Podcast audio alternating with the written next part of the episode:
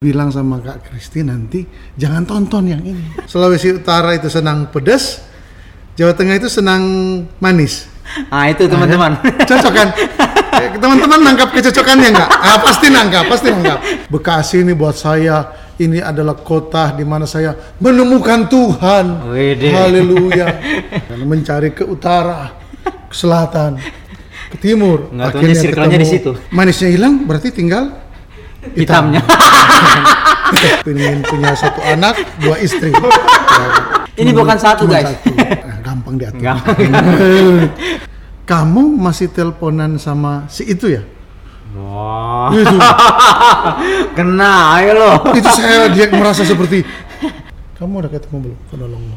Kemarin di episode sebelumnya kak, aku ditolak itu sama kawan itu. Gereja belum buka cabang, eh pengerjaannya malah punya cabang semua ya kan? Kan itu seperti itu ya kan? Bener-bener sama Tuhan satu ini.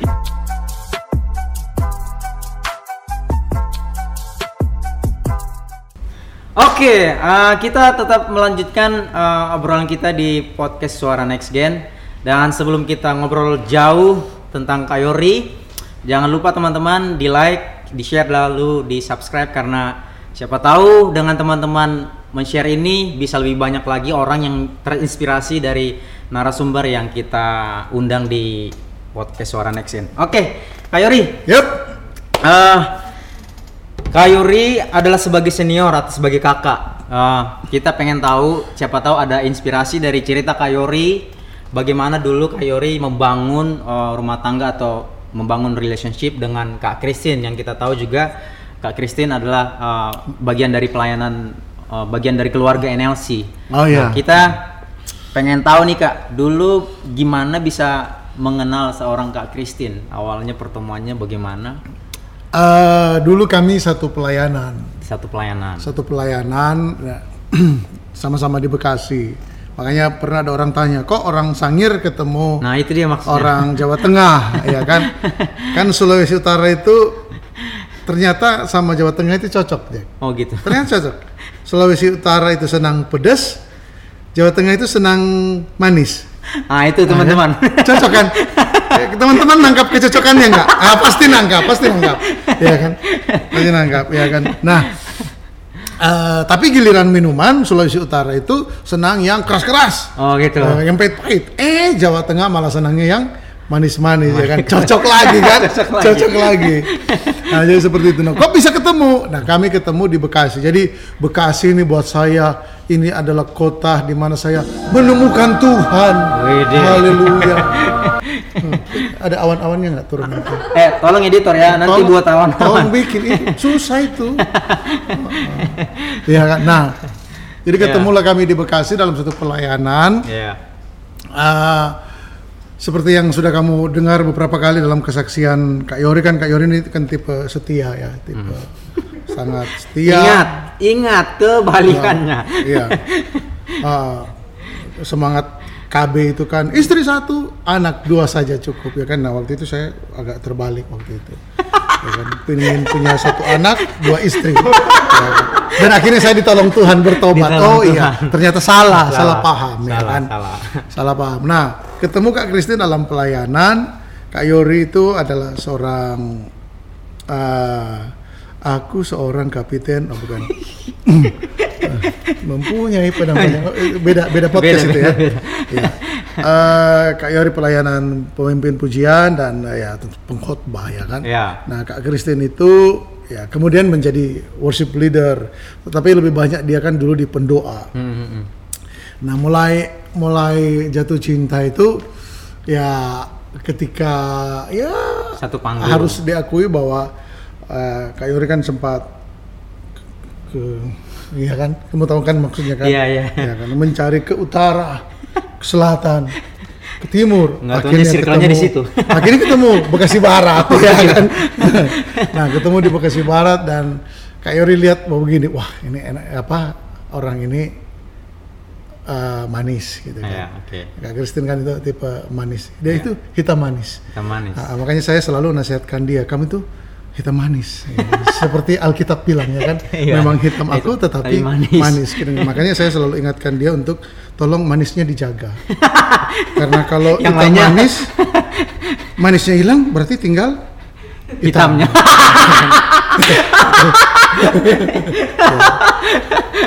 Iya, enggak lah.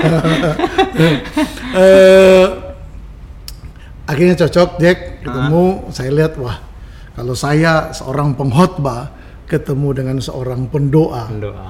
wow apalagi ada pengalaman nih Jack ini Hmm. ada pengalaman Nah, ini menarik aduh ini ini seru nih ini seru ganti channel ini seru Kak Yori ini boleh ngaku dosa ya Ya boleh lah, boleh lah. Justru Boleh. kita pengen Cuman bilang sama Kak Kristi nanti jangan tonton yang ini. jangan. Eh nah ya nanti loh. Naya. Ngadu ngadu kok. Oh, kalau Naya eh, gampang diatur. Gampang. Heeh. Mereka tahu kok bapaknya kayak apa. Nah, eh dari mana saya tahu Kak Kristin itu adalah jodoh? Mm-mm. Eh, aku kan PDKT, Oh ya. PDKT, PDKT waktu itu cuma satu orang. Ini bukan satu guys. satu. Ah, ah. Ya dekat lah, bu- bukan mungkin sekarang istilahnya PDKT, tapi eh, kira-kira siapa ya? Kira-kira Ah, siapa? Bu- oke. Manis-manis semua gitu Iya. kan. Eh, satu di sini, eh, satu di luar kota. Saya waktu itu minta sama Tuhan gini, siapa di antara mereka ini yang mau mendoakan saya? Hmm, Ini belum belum pacar lah, belum Iya, pacar. iya, Yang mau mendoakan saya, kan saya telepon. Kan pria itu kan harus lebih aktif ya kan. Iya, oke. Nah, saya telepon, telepon tiga-tiganya kan untuk sekedar teman. Iya. Ya, lalu sharing-sharing bla bla bla. Terus saya minta terakhir, ada nggak yang mau apa? Tolong dong doain doain, doain saya gitu kan. Doain saya. Ya, yang lain jawab, "Ah, kan yang pendeta kamu ya kan." Oh ya sudah nggak apa-apa, ayo doa. Ya kan. Dari situ tahu jadi tahu Ah, jawabannya iya. kan. Nah, waktu ke Kak Kristin itu, Ah. kamu doain saya dong. Ah, dia doain. Oh. Waktu wah, itu tanda yang pertama. Iya. Nah, tanda yang kedua, sekalipun udah dapat tanda yang pertama, tetapi eh Kak Yuri kan masih waktu itu eh apa namanya ya? Komitmennya masih belum jaya, belum bisa dicontoh lah, Hmm. belum bisa dicontoh. Istilahnya ya, kalau istilah orang-orang kegerakan Kak Yori itu playboy cap salib lah, Hmm. ya kan? Orang-orang pelayanan, ya Ada kan? istilah baru. Iya, gereja bukan gereja belum buka cabang, eh pengerjaannya malah punya cabang semua ya kan? Karena kan seperti itu ya kan. Bener-bener sama Tuhan satu ini. Nah, Kak Yori waktu itu gitu. Cuman memang udah kurang akrab, udah mulai akrab sama Kak Kristi nih. Iya, oke. Ya kan? Eh, tapi satu hari telepon-teleponan. Nah, ini Kak kebetulan nih beberapa hari yang lalu Kak Kristin sempat ingat itu. Ah. Ya kan? Oh, gitu, Kamu ingat nggak momennya. dulu, Pak? Kamu ingat dulu nggak? Langsung saya bilang begini, jangan ingat-ingat masa lalu. ya kan? Ya, padahal memang saya ingat sih. Nah, aku telepon lah Jack sama yang di Jawa ini. Uh, sharing lama banget ya Iya, kan? iya. Lama banget. Karena kenapa bisa lama tau nggak? Hmm. Karena yang telepon dia. Pulsanya. iya. Kalau yang telepon saya celaka. Iya. Ya. Dia telepon, wah enak banget sampai jam 1 subuh. Hmm. Ya kan kan ciri-ciri orang yang lagi pacaran sama udah menikah kan di situ bedanya. Iya. Ya kan kalau masih pacaran itu ngobrolnya lama banget. Tapi kalau udah menikah, "Pak, kamu makan nggak?" "Makan." Ya kan? "Sini, sini." Ya kan? Ya, lebih singkat kata-katanya ya. Iya, iya. Nah, udah jam 1 subuh bahkan lewat gitu kan. Ah, ah. Bahkan lewat, aduh baru capek kan, merasa capek udah bye bye ya kan. Itu kira-kira aja 10 menit kemudian Kak Kristin telepon. Oh. Telepon. Iya. Saya kaget. Ih. Saya dari dulu itu tahu Kak Kristin itu orang yang sangat peka, Hmm, hmm. sangat peka. Kecuali waktu saya gombalin di nah, tapi Kalau Kayori gombal luntur saya itu di- kepengannya. oh, luntur. ya. Nah, dia telepon itu jam setengah dua subuh loh. Hmm, hmm. Ih, Ngapain jam setengah ngapain? dua? Kak Yori tahu Kak Kristin itu kan bukan orang anak yang seperti itu. Hmm. ya kan nah udah saya saya angkat eh kenapa dia cuman ngomong begini kamu masih teleponan sama si itu ya Wah. Itu, Kena, ayo lo. itu saya dia merasa seperti Tuhan hadir, saudara-saudara. Tuhan hadir di situ. Itu saya gugup loh. Saya nggak bisa jawab. Wih, dia bilang, ayo jawab jujur. Langsung, iya. Nah, oke waktu itu akhirnya saya di eh, pecat, ya kan, jadi pacar. Oh, Tapi- diputusin. Iya, waktu waktu itu, Oh, waktu waktu itu. Itu tapi waktu momen itu saya sadar itu kayak kayak kayak yang di film-film itu loh, ada malaikat menampakkan diri itu, haleluya, haleluya, iya kan? Eh, kayak kayak dapat pencerahan bahwa begini, ini nih istri saya, Oh. ini nih istri saya. Ada Dia momentum ya. orang yang sangat jujur, sangat peka. Hmm. Berarti kan dia bukan dia bukan hanya akan menjadi ibu dari anak-anak saya, Iya, iya. tetapi dia juga akan menjadi seorang hamba Tuhan Iya. yang ikut membantu menjaga saya berjalan dalam kebenaran. Tentu saja Iya. saya memutuskan untuk berjalan dalam kebenaran, tetapi kan kalau istri juga nopang kan lebih mantap lagi itu. Iya, iya. Nah, jadi eh, sangat ilahi, Hmm. sangat ilahi pertemuannya. Nah, cuman kan yang jadi masalah, saya juga suka ditanya sama orang-orang. Nah, kak, kalau aku nggak ngalami pengalaman begitu, seperti apa? Nah, ya. Begini, kamu itu, itu, itu makanya saya oh, itu enaknya ngobrol sama Kak Yori itu oh, apa pertanyaannya saya lempar Kak Yori juga langsung Hah. membuat solusinya ya, betul, betul sekali. Ya, sekalipun sebenarnya saya juga baru kepikiran, ya kan? Nah, nah, jadi kan orang suka bertanya, kak, kalau saya nggak punya pengalaman seperti itu, bagaimana?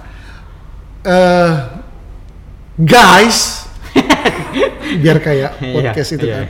Begini, ketika kamu akan menikah, Tuhan tahu kamu akan berjalan dengan satu orang itu seumur hidup. hmm, hmm, hmm. Ketika kamu mengasihi Tuhan, Tuhan akan menolong kamu untuk memberikan beberapa kepekaan. Saya sangat meyakini itu. Hmm, hmm. Saya sangat Tuhan meyakini akan sangat memberi beberapa kepekaan akan sangat memberi. Saya pernah dengar seorang teolog cerita tentang dia mencoba mendramatisir peristiwa waktu Hawa diperkenalkan ke Adam. Hawa diperkenalkan ke Nah, Adam Kan Tuhan ciptakan Iya, Hawa iya, kan, iya. lalu dibawa ke Adam Adam. Adam Ya kan, sehingga waktu Adam melihat, Hmm. kamu tahu nggak? Adam itu tidak pernah baca buku, nah itu dia ha, ha. ya kan? Iya. Berarti dia nggak kemungkinan besar nggak punya banyak statement. iya Betul ya. Tetapi tiba-tiba keluar dari dalam hatinya dan itu roh. Ketika dia berjumpa dengan Hawa, dia langsung ngomong begini, Keluar. inilah dia Nah. tulang dari tulangku nan tulang dari boruku. Salah. Dia Ya, kan, inilah tulang dari tulangku, daging dari Dagingku. dagingku. Kira-kira itu kayak begitu. iya betul betul Ya. Betul kak Soalnya sudah lama saya nggak bisa soal itu. ya, nah itu bagian dari kepekaan tadi berarti betul. Siapa yang mengapa Adam bisa sampai seperti itu? Iya kan? Itulah pekerjaan roh. Guys, makanya begini, pacaranlah pada waktunya, menikahlah pada waktunya. Hmm, hmm. Karena pada waktu yang tepat, kepekaan dari Tuhan itu itu akan datang. Ingat loh, di kita itu kelihatannya kan cepat banget Tuhan jadikan Adam lalu kemudian ada Hawa ya kan. Itu kan butuh momen sekian lama Iya. sampai Tuhan berpikir bahwa tidak baik Adam itu seorang Seorang seorang diri. diri. Itu kan ada beberapa momen ya kan. Iya. Mungkin Tuhan lihat Adam kalau lagi pegel dia panggil gajah ya kan. Ya tolong injak-injak Kalau- lagi pegel ya kan. Kalau dia lagi gatal-gatal dia panggil singa tolong ya kan ya kan. Seperti itu ya kan. Nah, Ya, mungkin seperti itu. Tapi kan tetap tetap Adam tidak punya penolong yang sepadan. Itu Iya. kan ada momen yang berla yang yang yang dilewati. Iya. Sampai Tuhan melihat. Hmm, hmm. Ya kan. Nah, ketika Tuhan melihat seperti itu, dihadirkanlah Hawa untuk Hawa. Adam. Nah, momen waktu Adam melihat Hawa itulah momen kepekaan. kepekaan tadi Itu kenapa Tuhan menjadikan wanita Hmm. supaya pria akan memiliki seorang penolong. Menolong. Penolong umur hidup. Kamu udah ketemu belum penolongmu? kemarin di episode sebelumnya kak Ah. aku ditolak itu sama kawan itu jadi jadi Ditolak, aku jawab lah belum lah kak belum belum ada penolong aku Ya kalau begitu saya cuman bisa bilang saya turut bersimpati aja kayak. eh bukan cuman gue loh kak Bersimpati. di rumah juga masih banyak yang belum punya penolong kak Memang kadang-kadang itulah kisah sedih pelayan-pelayan Tuhan ya. Cuman kita mungkin itu tadi eh, poinnya yang kakak bilang tadi akan ketemu di momen di mana kita memiliki kepekaan pada Iya. saat kita udah siap untuk Oh, iya, betul. Akan ada momen kepekaan itu. Nah, sekarang pertanyaan berikut lebih turun lagi. Hmm. Orang mungkin bilang, Kak, tapi Kak, bagaimana kalau saya nggak punya kepekaan seperti itu? Hmm. Nah, sebenarnya ini, ini udah agak malas jawab nih. ya kan karena Kenapa, kenapa? karena makin susah kok bikin hidup ini ya kan ya kan Tuhan bisa kasih kepekaan tapi memang nggak bisa dipungkiri Jack dari Ah. 10 orang ada juga satu dua orang yang ternyata nggak peka-peka amat gitu loh Iya. peka- nah alat ukurnya adalah apa ya sudah kalau begitu kalau begitu berani aja nanya hmm, Iya kan? apalagi kita kamu jatuh cinta sama satu orang ya Iya. bukan jatuh cinta lah ketertarikan agak Iya. lebih ya Iya. kan lalu kemudian kamu ya setelah kamu survei kamu teliti ya kan? Kamu bikin bukunya oh, kelamaan ya kan. Ya, kamu diambil orang. ka- kamu lihat oh ya ternyata kok saya pengen dekat sama dia. Udah mulai penjajakan dekati. Ya kan? Lalu kemudian mulai tanya ya kan? Lalu kemudian ya jangan dulu per- peresmian eh, pacaran. Iya. Eh, teman dekat aja dulu. Iya. sambil berdoa minta momentum yang pekah sama Tuhan. Wow. Ya, seperti itu. Nah, ya usahakan usahakan jangan terlalu cepat buat komitmen. Iya, Jangan terlalu cepat buat komitmen. Lagu rohaninya kan ada itu. apa tuh Jangan terlalu cepat buat komitmen. Ada itu. Pelan-pelan saja. betul betul Bukan lagu rohani. Kan di gereja kan suka begitu. Kita lagi nyanyi tiba-tiba BL. Pelan-pelan. Nah, itu lagu setengah suara setengah suara Pelan-pelan. Oke, eh, teman-teman, eh, itu tadi titik poinnya Kak Yori. Oh, saya tangkap tadi bahwa dari mana beliau tahu bahwa eh, Kak Christine adalah seorang yang disiapkan Tuhan menjadi penolong buat Kak Yori. Dia melahirkan atau menumbuhkan eh, apa tuh tadi istilahnya kepekaan itu tadi Ya. ya. Dan kita waktu kita momennya Tuhan ketemu dengan kepekaan kita, udah jadi. Ya berani minta tanda. Nah, dan Ya, yang tadi kedua Kak Yori bilang, kalaupun belum ada peka-peka amat, mulai kalau sampai ya kan penjajakan. kalau sampai ternyata kok nggak pegang-pegang amat ya udah jalannya dulu dekat dulu Ya. ya saran saya hindari kamu kan makin lama makin mengenal Hmm, hmm, karena ingat loh kepekaan itu juga bicara tentang kecocokan orang di luar gereja menyebutnya chemistry Iya. sebenarnya itu lebih lebih dalam dari Iya. chemistry karena chemistry itu kan ternyata bisa direkayasa Betul. ya kan Kita Betul ya? kita bisa saja terbawa dengan sesuatu Oh iya, sana, bisa saja. iya bisa saja ya, kan bisa saja. Kamu lagi ngaku dosa gimana? Nyolong dikit, nah, nyolong iya. turun. nah, jadi eh, perhatikan juga sambil belajar karakternya seperti apa, Ah, ah, iya. ya kan? Karena ya jangan juga lupa bahwa Kak Christine juga itu sempat menikmati ketika Kak Yori eh, masih menjadi seorang yang sekalipun sudah jadi hamba Tuhan tetap dalam temperamen yang mudah meledak, ya kan? Se- Seperti itu ya. Dia masih masih melihat itu. Tapi saya bersyukur ya dia bertahan. Kenapa dia bisa bertahan? Ya itu tadi saya bilang. Dia pun waktu waktu cerita Kak Christine ya. Iya. Waktu dia berani menerima lamaran Kak Yori bukan sekedar jalan ya. Ya, berani memutuskan untuk oke saya menikah dengan kamu. Itu pun ya dia berani berdoa, berani untuk ya ngomong satu kalimat yang klise. Tuhan bener nggak ini? Hmm. Ya kan? Tuhan tolong saya. Iya. Karena Tuhan yang saya kenal, Jack. Iya. Tuhan yang saya kenal, Tuhan yang sangat mencintai saya. Iya. Termasuk juga dia mencintai Kak Christine. Iya, iya. Dia nggak akan mungkin berpikir begini, biarin aja tuh biar tahu rasa tuh, ya kan? Dia kan memang kepala batu, biar dapat suami yang temperamen kayak begitu, kayak kapok lu, ya kan? Iya. Kan itu Tuhan yang mana yang kita Iya, bayar? iya, Enggak. iya. Ket- Dia Tuhan, dia akan menjaga kita, menjaga kita hari ini, menjaga masa depan kita, termasuk, Hmm. termasuk mengizinkan calon kita lewat di depan kita, Iya. ya kan? Karena calon kita itu nggak jauh sebenarnya. Iya, iya. Ya kan? Dia ada di sekitar kita. Kalaupun dia pergi, dia akan kembali setelah pesan-pesan berikut ini. Kelam Oke. banget ya. Oke, luar biasa Kayori cerita Kayori. Puji Tuhan. eh, sebagai penutup di part ini Kak, eh, seperti kita tahu eh, Kayori Hmm. lama eh, nunggu Naya sama Ya, sama Sharon. ya. Ada momen pasti Kak Yori sama sama Kak Christine nunggu atau apa minta gitu. Nah, di momen-momen seperti itu Hmm. adakah uh, seperti ini ragu. Yang paling yang paling itu yang paling kacau itu ada teman saya tuh waktu saya pulang ke kampung. Ah. ya kan kamu udah punya anak belum belum terus dia bilang begini itu si dia udah punya anak tahu nggak si dia yang dimaksud siapa Man- mantan saya ya saya bilang aja ya terserah dia mau punya anak apa enggak yang penting bukan saya bapak anaknya itu Iya iya. Betul betul. Ya, enggak maksud mereka masa kamu nggak mau pang Oh, gitu kan, dibandingkan tujuannya ke situ. kita. ya Ah, jadi ya kami berdua juga dibentuk dalam dalam fase itu ya Ah, ah. ya saya Berapa juga lama kak nunggu Naya sama? empat Empat tahun. Empat ya. Puji Tuhan ternyata yang datang sehebat Naya itu kan. Wah. oh Naya. Aduh.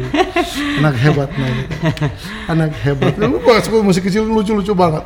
Ya kan sekarang suka komplain khotbah bapak yang itu dibandingin ini dibandingin itu yang sama kawan kita. iya. Ya, jadi seperti itu Jack. Memang kami ngalami ngalami lah pembentukan. Eh, kalau ada masih masih ada waktu Iya.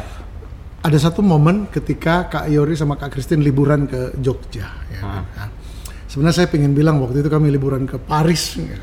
Kayak biar kayak Tapi ya pada. kayak orang-orang hebat itu kayak kan. Ya kan orang hebat suka gitu kan. Ini masih ingat ya waktu itu aku di Yunani, Jack. Di apa tuh namanya itu Sanilatori itu. Nggak tahu lah. Nah? Santorini, Santorini. Santorini. Gua malah San- nggak tahu tuh. Santorini. Santorini itu sebenarnya tempat yang dulu meni- tempat orang nikah. Oh. Yang ya namanya per- yang pertama menikah di situ namanya Santo sama yang kedua. Jadi namanya Santorini. Itu pemandangan laut. Nah, ya lanjut jadi ke mana-mana. ya. Eh, Kak Yuri sama Kak Kristin lagi liburan ke Jogja dan ya karena itu lupa tahun berapa Mm-mm. kakak ipar bilang ada tukang urut tuh ya kan? tukang urut uh, untuk cewek ya. Iya. ayo di biar diposisikan letak apa tuh? Kandungan atau Iya, apalah namanya. iya, iya. dan ya tentu saja orang yang dipromosikan disertai dengan reputasi ya kan? Ya udah kita ke sana. Ya. ya kan? Kak nggak ikut. Karena kalau saya lagi liburan ke Jogja biasanya saya nembak. Nembak. Nah, eh Kak Kristin pergi ke dukun itu. Nah, ternyata hasilnya ternyata begini. Setelah dukun bu- ini bukan dukun ya, eh, bidan. Iya. Bidan tapi dia juga jago ngurut. Ngurut, ya. Dia ngomong kalau memang mau Mm-mm. dia rekomendasikan salah satu dokter. Hmm, hmm. Salah satu dokter. Dan tentu saja dokter yang direkomendasikan ini pasti sudah punya reputasi. Nah, iya. Nah, kami berdua ke sana lah. Nah, naik motor. Giliran ke dokter, Kak Yuri temani. Aduh, waktu hasil konsultasi dari dokter itu itu benar-benar asli ya apa tuh endometriosis ya kalau nggak salah istilahnya. Hmm. Eh, singkatnya bahwa begini Kak Christine itu termasuk wanita yang agak sulit untuk mengalami kehamilan kecuali ada treatment. Oh. Nah masalahnya sekali treatment itu biayanya 900.000 ribu Hmm, hmm. dan waktu itu waduh 900.000 ribu itu rasanya begitu berat buat saya. Itu tahun berapa kak? Berarti 2000. Eh, nah yaitu 2008 berarti ya itu mungkin sekitar tahun 2006-2007. oh, oke. Nah akhirnya kami berdua udah eh, istilahnya pulang itu kecewa banget. Oh. kecewa banget. Kamu tahu Jack, saya mundurin motor itu. Mana motor ada ipar saya itu motor yang pernah bekas ketimpa gempa Jogja. Hmm, Ya kan jadi ya motornya sih masih bagus cuman agak reot aja. Jadi kalau ngebut tuh Iya. itu saya mundurin motor itu sampai tukang parkir itu Hmm. lupa saya bayar. Uh, dan mungkin dia juga takut menagih ya kan. Iya. Ini bapak ini mukanya lain kayaknya ya kan. Kami berdua sepanjang itu setelah konsultasi ke setelah itu tadi? hari itu pas, pas pulang dari klinik itu Ah, ah. Pulang dari Klaten sampai di Perambanan itu ya berapa menit lah kira-kira ya. Ah. itu sepanjang jalan diam aja. Wah itu bisa Dia- bayangin suas- suasananya. diam aja. Saya aduh saya berpikiran saya berkecamuk pikir enggak, pikiran Kak Kristin nggak tahu ya yang saya berkecamuk. Jadi nggak ada obrolan sampai kamu bayangkan itu hujan loh Jack hujan tempat tetap tembus. Aku cuma bilang udah nggak usah berhenti ya sampai sekalian sampai di rumah ya karena mungkin ya Jadi hujan bercampur dengan air mata. Ya, ya, puyang lah waktu itu. Sampai pada satu titik tiba-tiba dapat pencerahan gini. Ah. Dapat pencerahan gini. Kalau kamu aja terpuruk, yang menguatkan istri kamu siapa? Hmm, hmm, hmm. Saya langsung kaget.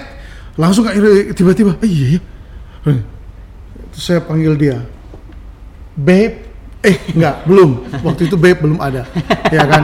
Waktu itu beb itu motor bebek. Beb, beb, beb, ya kan? Beb, beb, beb, ya kan? Waktu itu, sayang kamu terpukul nggak? Aduh, saya bersyukur Kak Grace jawabnya, enggak, aku santai aja. Percaya Tuhan. Wah, itu saya langsung senang banget dan itu sepanjang jalan saya nyanyi aja. Hujan, saya nyanyi. Saya nyanyi. Pokoknya lagu-lagu yang tentang kebesaran Tuhan lah. Iya. Ya kan, lagu-lagu tentang kebesaran. Waduh, kami nyanyi ya kan. Ya, sampai di rumah lalu ya berlalu sekian lama belum juga sampai tiba waktunya Tuhan. Pak.